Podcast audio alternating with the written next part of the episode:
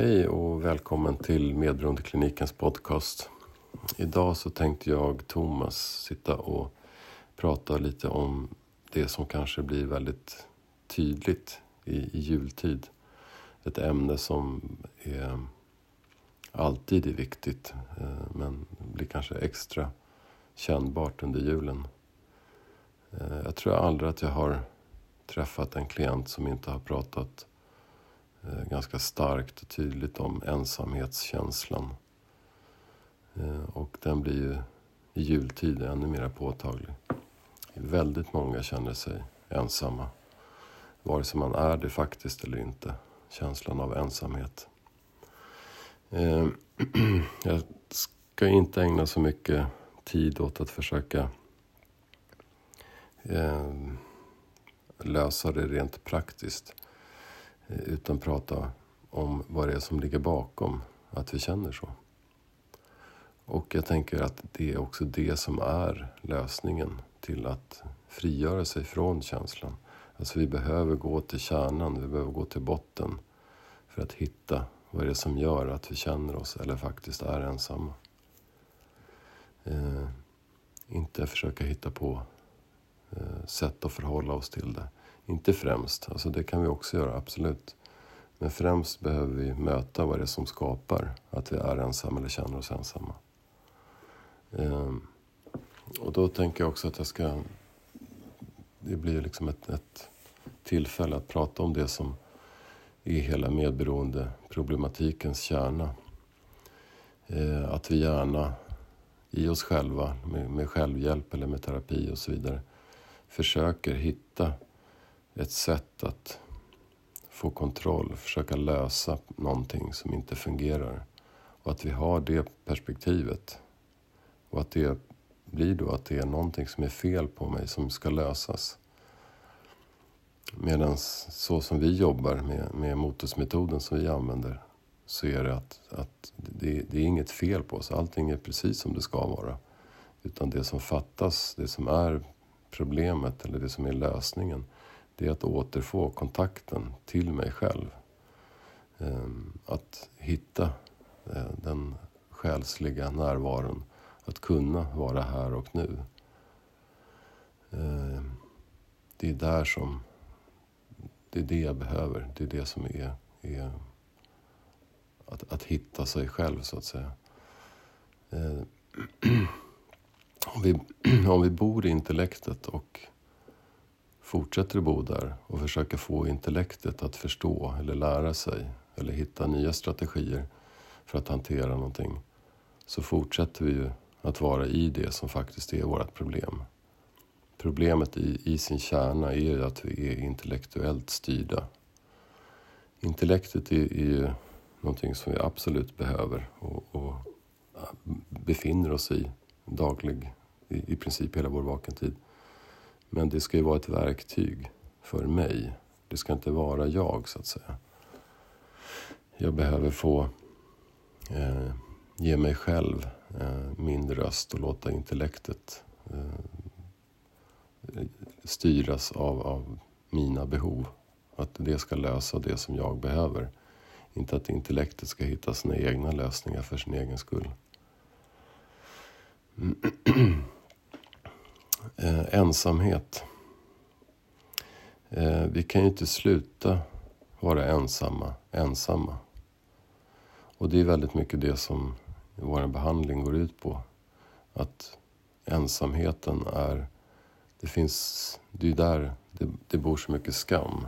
Skammen om mig själv som fortsätter att, att frodas och finnas i ensamheten. Eh, vi kan komma till väldigt många insikter och förståelser om, om oss själva, om situationer, om vår uppväxt, om, om massa saker. Men det löser inte problemet. Det löser inte skammen. Det är skammen som behöver blottas, som behöver synliggöras i ett sammanhang med andra, där andra också gör det. Eh, och det är därför vi har gruppen. Och det är också då som vi får syn på vad det, vad det faktiskt är. Vi kan, se, vi kan se att problemet, vi är ensamma till exempel, det är ett problem. Men vad är motsatsen? Vad, vad är ett sammanhang? Vad är att vara tillsammans? Vad är att få vara med sig själv? Det vet vi inte förrän skammen har släppt greppet om oss. Och det är det den gör i, i det att vi är i gruppen, i mötet med andra. Vi har en, en ensamhetsmentalitet eh, som kommer sig eh, mycket av att vi avvisar oss själva innan vi blir avvisade. Det är ju den strategi vi har för att kunna skydda oss. Skydda oss för att, från att bli lämnade, från att bli ensamma. Från att, att blotta skammen om att, att, jag, att jag inte duger på något sätt. Dilemmat med skam, som då är, är konsekvensen av trauma. Trauma och skam är är väldigt mycket samma sak.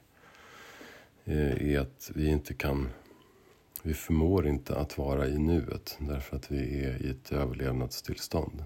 Och det, det kanske vi inte ens vet om för att vi har varit där hela vårt liv. Men att vi har ett tillstånd där vi försöker hela tiden hantera situationer. Vi försöker hitta vår plats, vi försöker hitta hur vi ska vara och varför och vad syftet är.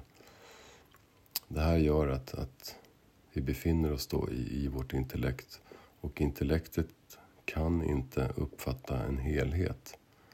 Och det gör att, att vi hela tiden värderar allting. Vi värderar allt som bra, och dåligt, rätt och fel. Ehm, ja, allting är en vågskål, stort och litet och ja, så. Eh, och när vi slipper det, när vi slipper vara där, när vi slipper skammen, när vi befriar oss ifrån skammen, blottar den så den släpper greppet om oss, så kan vi uppfatta helheten. Och när vi uppfattar helheten så behöver vi inte värdera. Då släpper värderingsbehovet. Det, det uppstår inte överhuvudtaget. Utan då ser, vi, då ser vi helheten, vi ser sammanhanget. Vi är liksom delaktiga i det som är och blir då skambefriade. Eh, och det är det som är liksom traumabefrielsen, att kunna vara närvarande. Och när vi får makt om det, att kunna vara närvarande, vara här, så ser vi, ser vi uppkomsten till var vi kommer ifrån, vad det är som har hänt och framförallt, vi ser vad det är som händer i oss. Vi ser vilket tillstånd vi faktiskt befinner oss i. Och att det är ett tillstånd, det är inte vi. Ehm, det här med ensamhetsmentalitet, hur vi, vi har en vi, vi tar en bild, vi tar en, en roll, vi tar en identitet i brist, i brist på att, att ha oss själva, att vara närvarande så att säga. Så hittar vi, vi hittar på en bild om vilka vi är och så flyttar vi in i den. Och det, det är oavsett om det är en, liksom en positiv eller negativ bild. Eh, där väger vi upp ofta för att få någon slags balans. Att vi har en, en eh, bild om oss själva som någonting större och bättre och kontra då att vi har en bild om oss själva som någonting negativt. Och så flyttar vi mellan de här identiteterna för att kunna få något slags grepp och kontroll över oss själva. Så vi föder den här ensamhetsmentaliteten genom att skydda oss och hävda oss och plocka bort oss själva, ställa oss utanför. Och det är strategierna. Men konsekvensen av det är ju vår bristande relation till oss själva som fortsätter att ge näring till ensamhetskänslan. Så att vi faktiskt är ensamma i relation till oss själva. Eh, nästa steg i det här i, i processen, jag tänker att jag beskriver ur, ur bearbetningsprocessen så att det blir eh, lättare att förstå eh, vad ursprunget är. Eh, när en klient har kommit dit att den förmår att, att blotta skammen, blotta ensamheten, blotta var man befinner sig någonstans, så blir ofta den första uppenbara stora frågan som kommer till en är Är jag värd att älskas? Duger jag? Eh, och när den frågan till slut på något sätt uppenbarar sig så blir det väldigt känslosamt. Där, där blir det en kontakt. Det blir verkligen att, att själens sår, själens skador får uttrycka sig, ge ord på det som den hela tiden försöker skydda och förhålla sig till. Ehm, och det är ju där ensamheten bor. Att jag vill inte veta om det är så att jag kanske inte är värd att älskas. Om jag prövar att träda fram och visa mig för mig själv och det visar sig att jag faktiskt inte duger, jag är inte värd att älskas. Det, det vågar jag inte riskera och det är det som gör att vi tar till olika strategier hela tiden. Men just det där när, när någon blottar den där känslan, den där rädslan, den där skörheten, sårbarheten.